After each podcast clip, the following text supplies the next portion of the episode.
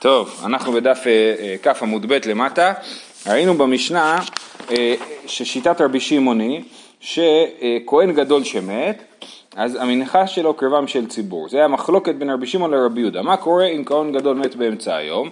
אז הוא בבוקר קריב חצי מהמנחת חביתין, ונשאר חצי להקריב בערב, אבל הוא מת באמצע היום. אז עכשיו, מה, איך יקריבו מנחת חביתין בערב? אז רבי שמעון אומר שזה קרב של ציבור, וזה אחד משבע תקנות שתיקנו בית דין, זאת אומרת זה תקנת בית דין להקריב משל ציבור. ורבי יהודה אמר יקריבו משל יורשים. עכשיו, לעומת זאת, בסוף הדף של אתמול ראינו אה, דרשה מהפסוקים שזה בא משל ציבור. רבי שמעון אומר, תסתכלו ארבע שורות מלמטה, רבי שמעון אומר אינה באה אליהם משל ציבור, שנאמר חוק עולם, כן? אז, אז עכשיו זה לא ברור. במשנה כתוב שזה תקנת בית דין, בברייתא כתוב שזה אה, דרשה מהפסוקים. כן? אז אנחנו בדף כ עמוד ב', אה, שלוש שורות מלמטה, רבי בבר ממל באי, מחלפה שיטתי דרבי שמעון, תמן אמר משל יורשין, ואחה אמר משל ציבור. זאת אומרת שמה, אצלנו במשנה, אה, הוא אומר שזה משל יורשין, זאת אומרת הוא חושב שבאופן בסיסי הדין הוא שזה צריך לבוא משל יורשים, אבל תקנת הבית דין היא שזה בא משל ציבור. לעומת זאת פה בדרשה שלמדנו הרגע, צריך לבוא משל ציבור. אמר רבי חייא בר בא ולא יאות הוא מקשה, זו קושייה טובה. אתה רבי יעקב בר אחא, רבי אבאו, בירושלמי יש הרבה פרגונים, כן? אחד מקשה קושייה, אומרים וואלה, שיחקת אותה. בבבלי זה נדיר, יש מקרה אחד שאומרים את זה כל שבת ובמה מדליקין, כתוב אה, אה, חייב אדם לשש בגדה ועיר שבת עם חשכה השם ישכח ויצא, אמר רבי יוסף התחרבת לשבת, הלכה יפה לשבת, ככה... זה גם לא לבן אדם, זה כן, להלכה. כן. עד רבי יעקב בר אחא רבי אבאו בשם רבי יוחנן, דבר תורה הוא שתהא באה מן הציבור, באמת מדאורייתא זה צריך לבוא מן הציבור, ופה יש בעיה גדולה עם הגרסאות, הייתי אומר גבולה, הייתי חושב שבשביל הדבר הזה צריך לגבות אה, אה, בנפרד מכל הציבור, כן, הייתי אומר יגבולה, התקינו שתהא באה מתרומת הלשכה. זאת אומרת, התקנה היא שלא צריך לגבות משל ציבור. אני דילגתי פשוט על משפט שהוא בסוגריים. אני לא מוצא איפה אנחנו. כ"א עמוד א'. שורה שלישית רביעית, כן? אז אומר, אה, אה, אז דבר תורה שבא מן הציבור, והייתי אומר שהיא גבולה, שעכשיו כשהכהן גדול מת מיד גובים מכל הציבור כסף ומביאים מזה את המנחת העשירית, מנחת חביתין של הערב, אז, אה, אה, אה, והתקנה היא שתבוא מתרומת הלשכה, זאת התקנה. זה היישוב של שיטת רבי שמעון. עכשיו כתבנו במשנה, אמרנו במשנה, שלמה הייתה באה, כן? זאת אומרת, ושלמה הייתה באה, הייתה קרבה. זאת אומרת, כשמביאים, כשהכהן גדול מת בבוקר, בצהריים, ומביאים בערב עוד מנחה שלמה, ומכאן ואילך, עד שימנו כהן גדול חדש, יכול להיות שזה לא לוקח שעתיים, יכול להיות שזה, שזה לוקח, שזה תהליך. עד שהכהן הגדול החדש מתמנה, ממשיכים להביא מנחת חביתין שלמה, זאת אומרת בניגוד למנחת חביתין רגילה שהכהן מביא חצי בבוקר וחצי בערב, פה כתוב שלמה הייתה באה, אז מביאים אותה שלמה, אז מה זה אומר? אומרת הגמרא, אה, רבי יוסי אמר רבי יוחנן באי, מהו, שלמה בשחרית ושלמה בין הארבעים, או שלמה בשחרית ובטלה בין הארבעים? האם צריך להביא בבוקר שלמה ובערב שלמה, זאת אומרת כפול בכמות, כן? לא צריך להביא אחת שלמה בבוקר, לחצות אותה לשתיים, להקריב חצי בבוקר וחצי בערב, אלא או שמביאים שלמה בבוקר ושלמה בין הארבעים, או שמביאים שלמה בבוקר ולא צריך להביא בין הארבעים. זאת אומרת, מנסים להבין פה מה הרעיון של להביא אחד שלם ולחצות אותו לשתיים. אז אתה אומר, צריך כל יום להקריב מנחת חביתין שלמה. אז, ואז אומרים לכהן הגדול, אתה תחצה אותה לשתיים, תעשה חצי בבוקר, חצי בערב, אבל כשהציבור מביאים את זה, אז אומרים, תעשו את הכל בבת אחת. או שאומרים לא, צריך להיות פה כמות שלמה כל פעם בנפרד, ולכהן גדול כאילו הקלנו ואמרנו תעשה רק חצי בכל פעם. אז זאת השאלה. כדהה פשיטא ליה, זאת אומרת, מה, מה שקוראים בירושה, בבבלי אומר אם תמצא לומר, כן? אם תמצא לומר, פה זה כדהה פשיטא ליה. אם, אם תפשוט שצריך להביא שלמה בבוקר ושלמה בערב, דכתיב מנחת תמיד, כן, תמיד זה גם בבוקר וגם בערב, שלושת לוגין מים, כי מביאים עשירית היפה סולת ושלושת לוגים שמן, כן, ושלושת לוגים שמן לומדים את זה, מ, ב, לומדים את זה במדרשים מקורבן התמיד, שצריך להביא שלושת לוגים שמן, לערבב את הסולת, בואו שנייה אני אגיד, איך עושים מנחת חביתין?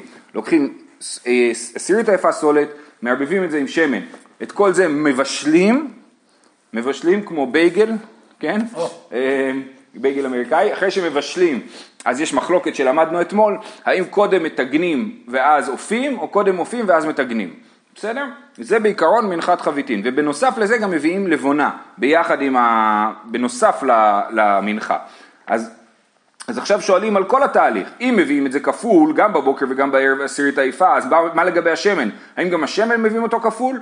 שלושת לוגין מים, שלושת לוגין בשחרית ושלושת לוגין בין הארבעים, או לא גומחצה שחרית ולא גומחצה בין הארבעים. זאת אומרת, הכפות, הכמות של העשירית העיפה היא בעצם מוכפלת, גם בבוקר וגם בערב. האם גם הכמות של השמן מוכפלת, או שהכמות של השמן נשארת אותו דבר ורק חוצים אותו לשתיים. אמר רבי חזקיה, אופהדה צריכה לי שני קומצין מים, שני קומצין בשחרית ושני קומצין בין הארבעים, או קומץ אחד בשחרית וקומץ אחד בין הארבעים, אותו דבר לגבי הלבונה, אנחנו מביאים שני קומצי לבונה, אחד בבוקר אחד בערב, במקרה רגיל שהכהן גדול מביא, אז מה קורה פה? כשהכמות כפולה מביאים כפול לבונה, או שלא, פשוט מביאים כרגיל אחד בבוקר ואחד בערב. טוב, כל הסוגיה הזאת, הגאון מווילנה טוען שהיא משובשת וגורס אותה אחרת לגמרי, אנחנו מנסים לעשות לפי מה שכתוב פה. אמר רבי יוסי, כלום למדו לקומץ, לא ממנחת חוטא, מה להלן שני קמוצין? אף כאן שני קומצין. מאיפה למדו את הקומץ? את זה דרשה שלמדנו בפרק, אה, בפרק הקודם אני חושב, שלומדים אז קראתה להשם, אז קראתה להשם, שכמו שב... אה, כמו שב... אה, לחם הפנים, שבלחם הפנים צריך אה, קומץ, כמו שגם במנחת חוטא צריך קומץ, כן? ומזה לומדים גם למנחת חביתים. אז אומרים, כמו שלמדנו ממנחת חוטא, וברור שמנחת חוטא על כל מנחת צריך להביא אה, את הקומץ שלה, אז מה להלן שני קומצין, אף כאן שני קומצין.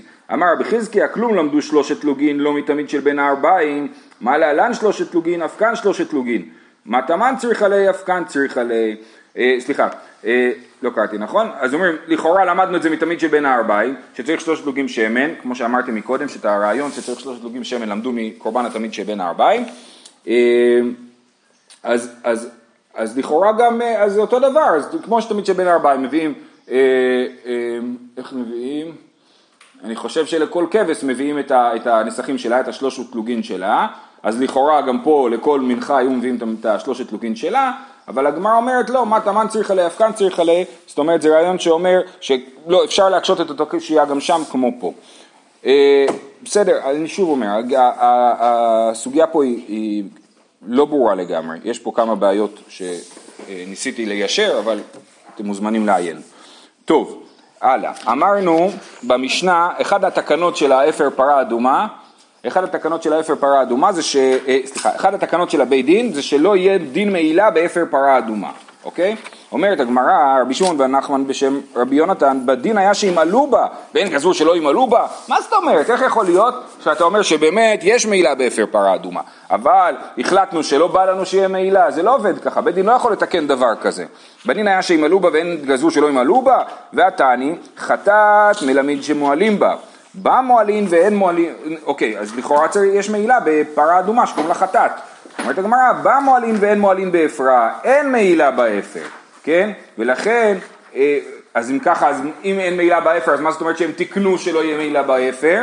אז, אז עכשיו בואו נספר את כל הסיפור. אמר רבי אבהו, בראשונה היו משתקשקין בה. ונותנים אותה על גבי מכותיהן. בהתחלה אמרו, אה, יש אפר פרה אדומה, זה אפר קדוש, נשתמש בו אה, לרפא פצעים וכולי, כן? אה, זה ממש חשבו על זה בתור סגולה, היו משתקשקים ונותנים אותה על גבי מכותיהן, ואז ראו שזה המצב, וא' ראו שיש ביזיון לאפר, וב' ראו שהוא יכול להיגמר, אז גזרו שימעלו בה. אז אמרו, טוב, מעכשיו מי שנהנה מאפר פרה אדומה יש בזה מעילה, זה היה מדי רבנן, מעילה מדי רבנן. וכיוון שנגדרו, אז הפסיקו עם כל הדבר הזה וקיבלו, זה נעשה, עשה להם גדר, גזרו שלא ימעלו ב... אוקיי, אומרת הגמרא, והמשנה אמרה על הכינין, שזה אה, משהו שכבר למדנו, על הכינין הפסולות שהיו באות משל ציבור, אתמול גם דיברנו על זה שאם אה, לדוגמה אישה מביאה קן, נכון, היא משלמת בשופר לקן, והקן זה חטאת אחת ועולה אחת, מה קורה אם פתאום בורחת ציפור אחת? כן, היא קנתה שתי תורים, ואחד התורים עף. אז מה יהיה, לא יהיה לה כן? אז אמרו שפסולות באות משל ציבור, נכון? אם יש אה, אה, כן פסול, אה, על הכינים פסולות שהיו באות משל ציבור, רבי יוסי אומר המספק את הכינים הוא מספק את הפסולות. אז הוא אומר פה האישה הזאת במה מתכפרת? אם עפה הציפור או פסולה, אמר רבי יצחק תנאי בית דין הוא המספק את הכינין הוא מספק את הפסולות ואת העובדות, כן? אה, ולמדנו את זה בקשר למשנה הראשונה של, אה, של המשנה שאם מצאנו כסף בין השופר של הקינים לשופר של הגוזל לעולה, אז גם אנחנו חוזרים על זה פה ש... מי שמספק את הכינין, מי שהוא אחראי לספק לבית מקדש את העופות האלה, אז הוא לקח על עצמו גם את הפחת, זאת אומרת הוא יודע שאם תעוף ציפור הוא יצטרך לשלם את זה מהכיס שלו. הדרן הלך פרק מעות שנמצאו. פרק אחרון, רבותיי, מחר אנחנו מסיימים את מסכת אה, אה, שקלים, וביום שלישי מסכת יומא, בעזרת השם.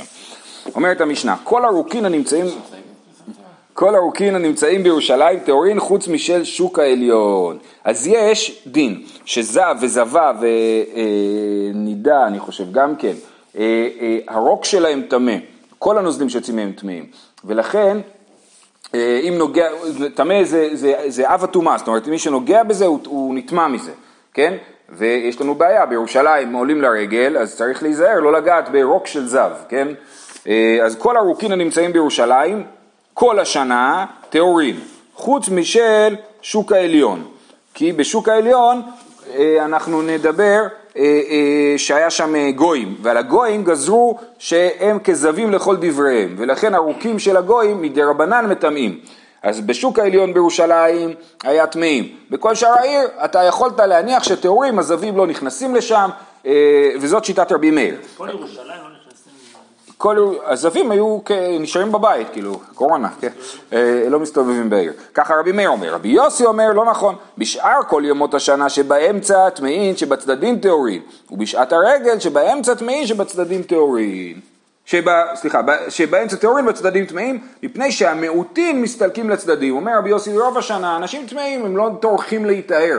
כן? אין לזה נפקא מינה חוץ מלעניין לאכול קודשים או לאכול תרומה, אז סתם יהודי שלא אוכל קודשים, אין לו עניין להתאר. אז, הוא, אז הרוב טמאים, אז לכן הטמאים הולכים באמצע, במרכז הכביש, והטהורין הולכים בצדדים, לא להיטמא מהטמאים. וההפך בזמן הרגל, כי יש מצווה, כל חייב אדם לתאר עצמו ברגל, חייבים להתאר ברגל, ולכן אה, הם, הרוב הולכים באמצע, והמיעוטים מסתלקים לצדדים. אוקיי, עוד דין, כל הכלים הנמצאים בירושלים, דרך ירידה לבית הטבילה טמאין, ודרך עלייה טהורין, שלא כירידתן עלייתן, דברי רבי מאיר. אז זה אם אתם רוצים אפשר לראות את זה מאוד יפה במקוואות שבכותל הדרומי, כן, ממש רואים שהמקווה היה בנוי שאתה נכנס מצד ימין, יורד במדרגות ועולה מצד שמאל, גם בדרך האבות נדמה לי שיש גם כן, כן, זה ממש מאוד ברור שיש דרך ירידה ודרך עלייה, אז משהו בדרך ירידה עוד לא טבלו אותו, למה יש כלי שנמצא בדרך, במדרגות ליד המקווה. אם אתה רוצה כלי ליד המקווה כלים, טבלו אותו או לא טבלו אותו, כן? אז דרך ירידה, עוד לא טבלו אותו, דרך עלייה טבלו אותו. אמ, אה, שלא כירידתן, עלייתן, זאת אומרת שאין, זה יורדים ועולים במסלולים אחרים, גם זה דרך אגב, בשביל שאנשים טמאים לא יטמאו את הטהורים, זאת אומרת אתה עולה ממקום אחר כדי לא להיפגש במישהו טמא, לא להתקל. אה, רבי יוסי אומר כולן טהורים, רבי יוסי אומר מה פתאום, אין לך שום סיבה להניח שכלים טמאים, כל הכלים טהורים חוץ מן הסל והמגרפה והמריצה המיוחדים לקברות. כן, יש כלים מיוחדים של החבר קדישא, הם משתמשים בכלים מיוחדים והכלים האלה באמת טמאים, כל הזמן נטמאים ממתים. הלאה, זה משנה שעסקנו בה באריכות במסכת פסחים, בבבלי, סכין שנמצאת בי"ד, שוחט בה מיד, בשלושה עשר שונה ומטביל. קופיץ, בזה ובזה שונה ומטביל. אז אם אני מוצא סכין בירושלים, בי"ד ניסן, אני מניח, סכין שחיטה, אני מניח שמי ש, שזה מי ש, שלא טבל אותה, כי הוא תכנן לשחוט עם זה, אז לכן אני יכול להשתמש בסכין ולהניח שהיא טהורה. אבל אם מוצא, מוצא את זה בי"ג ניסן, אני אומר, אה, אולי הבעלים עדיין לא טבל אותה, אולי הוא חיכה להיום, ולכן בי"ג ניסן אה, אני צריך לטבול אותה. קופיץ, אבל אם אני מוצא קופיץ, קופיץ זה סכין ששוברים איתה גם עצמות, ולא סכין של שחיטה בעצם, אז קופיץ, אנחנו יודעים שבפסח לא שוברים עצמות בקורבן הפסח, אז אנחנו נמנעים להשתמש בקופיץ בקורבן פסח, כן? אז אם אני מוצא קופיץ בזה בזה שונה ומטביל, אני מטביל את זה שוב פעם, אה, אה, כי לא בטוח שהבן אדם שזה שלו אה, טבל את זה. אה, חל 14 להיות בשבת, שוחט בה מיד, אם אני, אם חל י"ד בשבת להיות, אה, אה חל י"ד להיות בשבת כמו השנה, אז שוחט בה מיד. אה, עכשיו, השאלה היא על מה מדובר פה, זאת אומרת, האם מדובר פה על הקופיץ או על הסכין, כן? אה, אז הקורבן העדה מסביר שבשבת הייתי חושש יותר, כי הייתי אומר, אם זה טמא, אז בעצם אני פוסל פה את הקורבן. אם אני פוסל את הקורבן, אני עושה מלאכה בשבת. אז כאילו החשש הוא יותר חמור, זה לא רק חשש שאני אטמא את הקורבן, זה חשש שאני עובר על איסור סקילה של שחיטה בשבת, כן? אז לכן היינו חושבים שאם זה ששבת אנחנו מחמירים יותר, אומרים לנו לא, אפילו בשבת אתה יכול לסמוך על זה שהסכין טהורה. סכין שנמצאת שוחט בי"ד שוחט במיד. בי"ג, אמרנו סליחה, ארבעה סיבות בשבת שוחט במיד, בט"ו שוחט במיד, אם אני מוצא סכין או קופיץ בט"ו בניסן, זאת אומרת בחג עצמו, אז אני מניח שזה טהור, בגלל שאפילו קופיץ, כי האנשים דואגים לזה של לטהר הכל לפני כניסת החג, כי הם יודעים שביום טוב אסור, אסור uh, לטבול. ומשתמשים בקופיץ לקורבנות אחרים, ל, ל, לקורבן חגיגה. אפשר לשבור עצמות בקורבן חגיגה. אז לחגיגה של י"ד למדנו באריכות במסכת פסחים, שיש מחלוקת האם מותר לשבור בעצם או אסור לשבור בעצם. אבל סתם קורבן חגיגה בוודאי שמותר לשבור בו עצם. כן? ולכן הקופית שמוצאים אותו בט"ו יהיה מותר להשתמש בו, נמצאת קשורה לסכין, אם הקופית נמצאת קשורה לסכין הרי היא כסכין, כי אני אומר מי שטבל את הסכין הוא טבל גם את הקופיץ ביחד כי הן קשורות אחת לשנייה, זאת אומרת הסכין מושכת את הקופיץ אחריה. רבי אבין בשם רבי יהושע בן לוי, קצרן של נוכרים היה שם, כן, מה זה קצרן של נוכרים? היה בשוק העליון בירושלים, שאמרנו שכל הרוקים של בירושלים טהורים חוץ מבשוק העליון, מה זה קצרן? מסביר פה הקורבן העדה, שכובס של נוכרים היה שם. בשוק העליון, ולכן, בגלל שיש שם נוכרים, אז גזרו על זה. הרב שטיינזלץ מסביר שקצרן זה מצודה, כן, וזה באמת אה, מגובה בעדויות היסטוריות, שהיה מצודת החקרא בצפון העיר, כן, ואולי לזה הכוונה, שהיו שם מצויים נוכרים בזמן בית שני. אה, אה, אמר רבי חנינא, הרודות היו נוכרים בירושלים.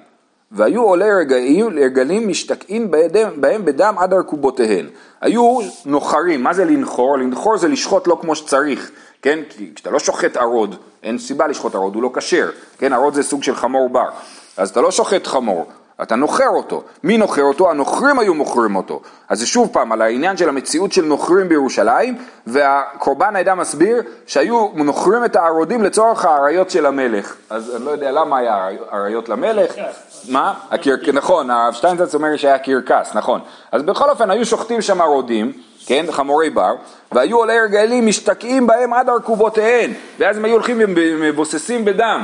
בדם של מה? בדם של נבלה, הנה זה ממש פרשת השבוע, פרשת שמיני, כן? בהמה טמאה שמתה, היא, היא נבלה.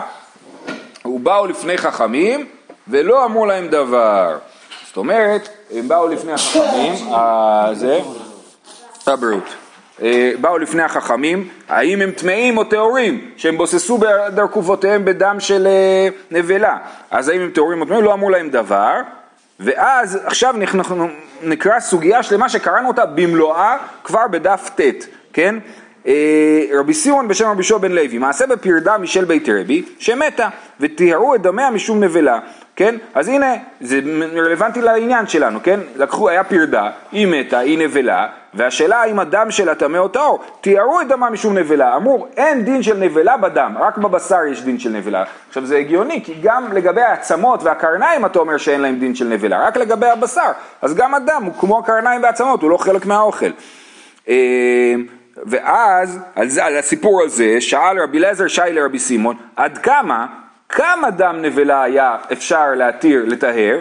ולא אגיבי, הוא לא ענה לו. שאל רבי יהושע בן לוי, אמר לי עד רביעי טהור, יותר מכן טמא, אומר לא נכון, דם נבלה הוא לגמרי כמו בשר נבלה, רק שבכמויות, אתה אומר, מה זה כמות, מת, מתי נבלה מטמאת? בכזית נבלה מטמא, כן? אז מתי דם נבלה נחשב כמו כזית נבלה? אם יש רביעית של אה, דם, זה כמו כזית.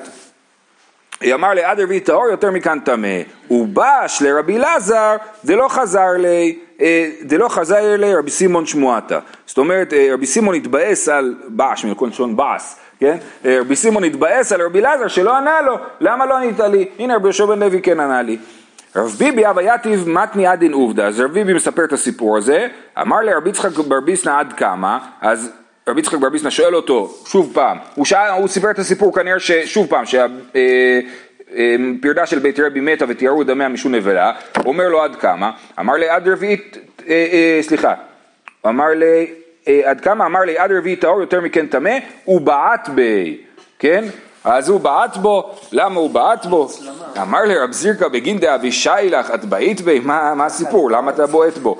אמר לי בגין דלא אבה דעתי בי, אז למדנו את זה, כן? אולי עכשיו תזכרו, כן? אומר, לא, דעתי לא הייתה מיושבת, לכן בעטתי בו. למה דעתו לא הייתה מיושבת עליו? כי הוא לא היה לו מספיק כסף, כן?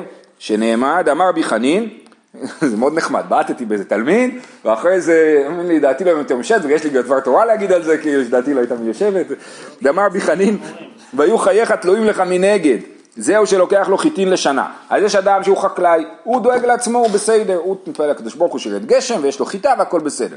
אבל יש מי שאין לו שדה, אז הוא צריך לקנות, אז הוא קונה חיטה לשנה שלמה בבת אחת. גם דרך אגב, זה, אני מניח שזה משתלם, כי א' הוא קונה את זה בסיטונאות, ב' הוא קונה את זה בזמן שהשער נמוך, בזמן הקציר השער נמוך, ואז זה נחשב חיים תלויים לך מנגד, כי אתה לא תלוי בעצמך, אתה תלוי במישהו אחר. אבל יש יותר גרוע מזה. אה, אז הוא לוקח לו חיטין לשנה. פחד את הלילה ויומם זה שהוא לוקח מן הסידקי, כן? אם אתה לוקח כל יום, אתה לוקח אה, חיטה אה, כל יום, אז אתה פחדת לילה ויומם, אולי מחר בבוקר לא יהיה בחנות, כן? ולא תאמין בחייך, זה שהוא לוקח מן הפלטר. זה מי שהוא הכי עצלן, הוא קונה לא קמח, הוא קונה לחם במכולת. אתם מגיעים בשמונה, שבע וחצי בבוקר למכולת, כל ההורים שבאים לוקחים לחמניות, אז זה לוקח מן הפלטר, אתה בלחץ שלא יהיה סנדוויץ' לילד לבית ספר, נכון? אז הוא, אנא סמיך פלטרה. רב ביבי אומר, אני סמיך פלטרה, כל החיים שלי אני בלחץ, לא בטוח שיהיה סנדוויצ'ים לילדים, ולכן אני לפעמים מתעצבן. אה, מהי כדון? טוב, מה המסקנה לגבי דם נבלה? האם דם נבלה מטמא או לא? העיד רבי יהושע, זה משנה ממסכת עדויות, העיד רבי יהושע בן פטורה או בן בטרה על דם נבלות שהוא טהור. הנה, דם נבלות טהור. מהו טהור? אומרת הגמרא, לא, שוב, אז בואו נסביר. אנחנו מצד אחד חושבים אולי דם נבלות טהור, מצד שני ראינו את הרעיון שדם נבלות טהור רק עד רביעית דם, ולא יותר, ויותר מזה הוא כן טמא, כמו, כמו פחות מכזית נבלה ויותר מכזית נבלה. אז הוא אומר, אם העיד רבי יהושע על דם מלאות שהוא טהור, אז הנה הוא טהור. אומרת הגמרא, לא, מה הוא טהור? טהור מלהכשיר. טהור מלהכשיר, הוא לא נחשב לדם לעניין זה שמשכין מכשירים אוכלים לקבל טומאה. זה ממש פרשת השבוע, כן? אז כתוב, כן, השקיע פול מים על זרע, על כל זרע זרוע אשר יזרע, נכון? ואז הוא מוכשר לקבל טומאה. אז האם דם נבלה נחשב לדם, למשקה שמכשיר לקבל טומאה? על זה אומרים שהוא טהור, למה? כי איזה דם מכשיר לקבל טומאה? דם שהוא אה, נשפך, אה, נשפך כמים, כן? אבל דם נבלה, שלא מעניין אותנו הדם הזה, אז הוא לא מכשיר לקבל טומאה. על זה כתוב שהוא טהור מלהכשיר הלטמות מטמא, אז הוא כן מטמא. מה שכתוב והעיד על דם נבלות שהוא טהור, הכוונה היא טהור מלהכשיר. על זה אנחנו מקשים, תמן תנינן, במקום מכשיר, במסכת מכשירין, שנינו, דם השרת מטמא כבשרו. מטמא ואינו מכשיר, ואין לנו כיוצא בו. כתוב על דם השרץ, כן, מה זה שרץ? אחד משמונה שרצים, ש, ש, ש, שיצא ממנו, שהם מטמאים במותם, נכון? והדם שלהם הוא מטמא אבל לא מכשיר. כמו שרצינו להגיד הרגע על נבלה, נכון? אבל מה כתוב בסוף המשנה? ואין לנו כיוצא בו. זאת אומרת, זה הדם היחיד בעולם שהוא מטמא אבל לא מכשיר. סימן שאי אפשר להסביר את זה בנבלה. היינו צריכים להגיד בנבלה או שזה טמא לגמרי, או שזה טהור לגמרי, אבל להגיד שזה מטמא אבל לא מכשיר, אי אפשר, כי כתוב שאין כיוצא בו, רק דם שרץ מטמא אבל לא מכשיר. אומרת הגמרא, לא, מה זה אין לנו כיוצא בו? כשיעור טומאתו, אבל דמו מטמא כבשרו. כן? זאת אומרת, למרות שכתוב אין כיוצא בו, הכוונה היא כי דם של שרץ הוא מטמא בעדשה, הגודל המינימלי של שרץ שמטמא זה עדשה, כן? תחשבו על עדשים כתומות במטבח, זה הגודל של שרץ שמטמא, של חתיכה משרץ, וגם דם של שרץ מטמא בכל כך קטן. על זה כתוב לנו כיוצא בו, שכל כך קטן מטמא, אבל אם זה רביעית, זה כן מטמא. אה, אבל דמו מטמא כבשרו, כן? אה, כבשרו, כמו, כמו בשר של שרץ, אז גם האדם מטמא בעדשה.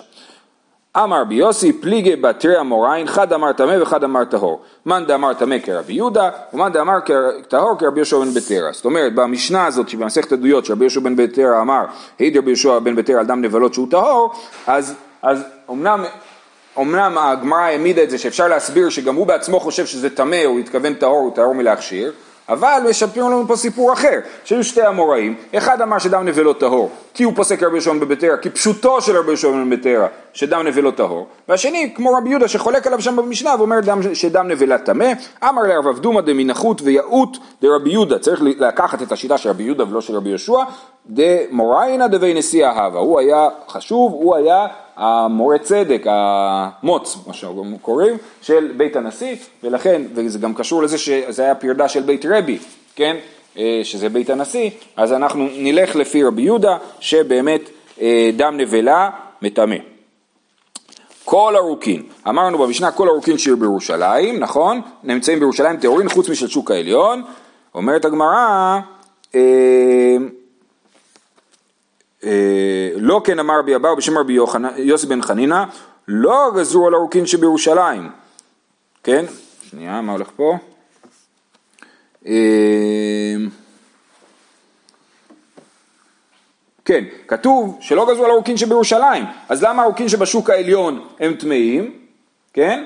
אומרת הגמרא, היית מרלה, רבי אבין בשם ראשו בן לוי, קוצרן של נוכרים היה שם, זאת אומרת כן, יש סיבה, לא גזרו על הרוקים שבירושלים, אם אומרים רוק בירושלים לא צריך לחשוש, אבל בשוק העליון כן צריך לחשוש בגלל שקצרן של נוכרים היה שם והסברנו מה זה.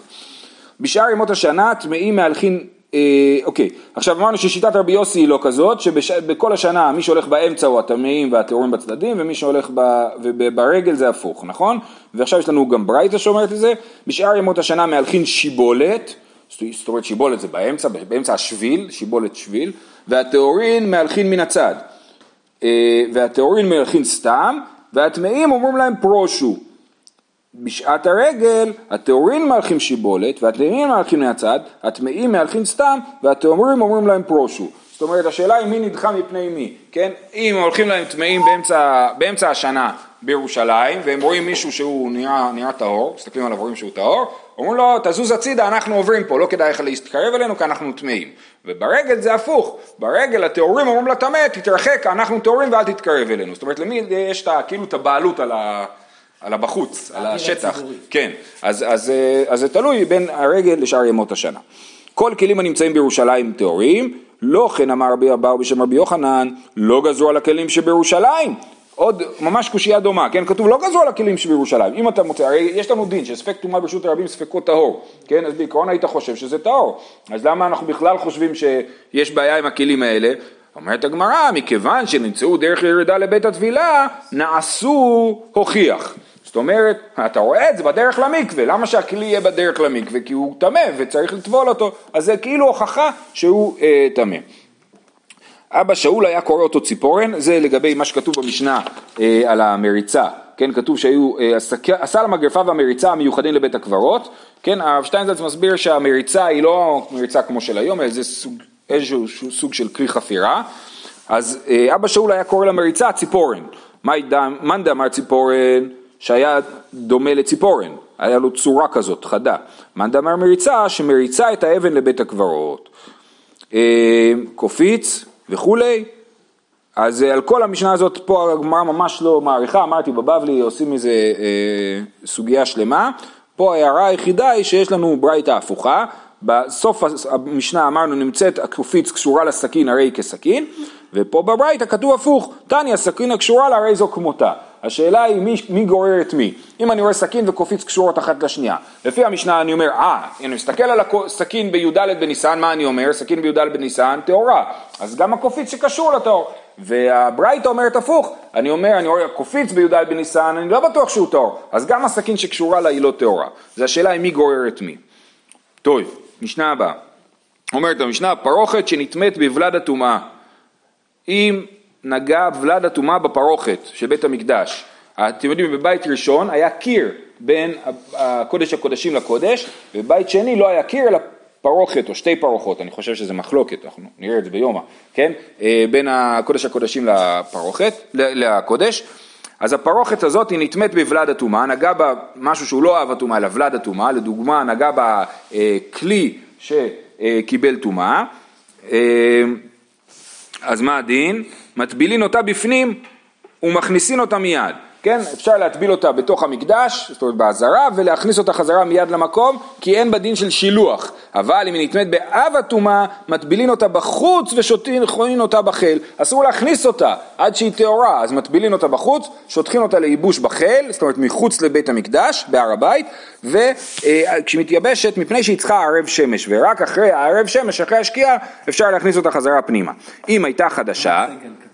ארנון סגל כתב את זה בספר שלו. יפה, כן. יפה שקראת. אם הייתה חדשה, אם הפרוכת היא חדשה ויפה, אז שוטחים אותה לא סתם בחיל, אלא כנגד העם, על הגג האצטבה, כדי שיראה העם את מלאכתה שהיא נאה, כדי שכולם ייהנו מהיופי של הפרוכת.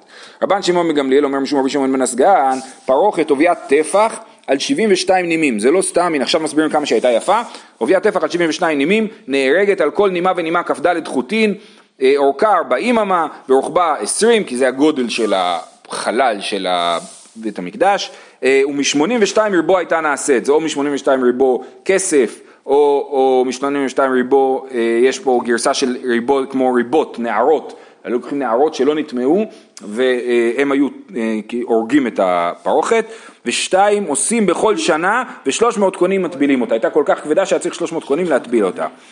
אילו... מעיין מספיק גדול. כן, לא, אפשר להתקפל את זה, לא, לא חייב להיות שטוח בפנים. כן, כן, עדיין זה... כן, זה גדול, זה ענק. זה עשר על אה, עשרים, נכון? כן. אילו אמר...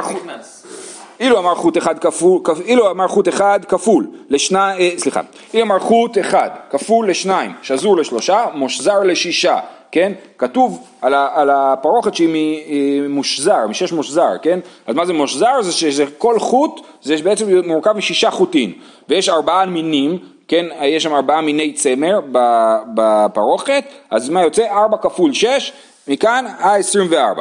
תעני 32, יש מי שאומר שזה 32.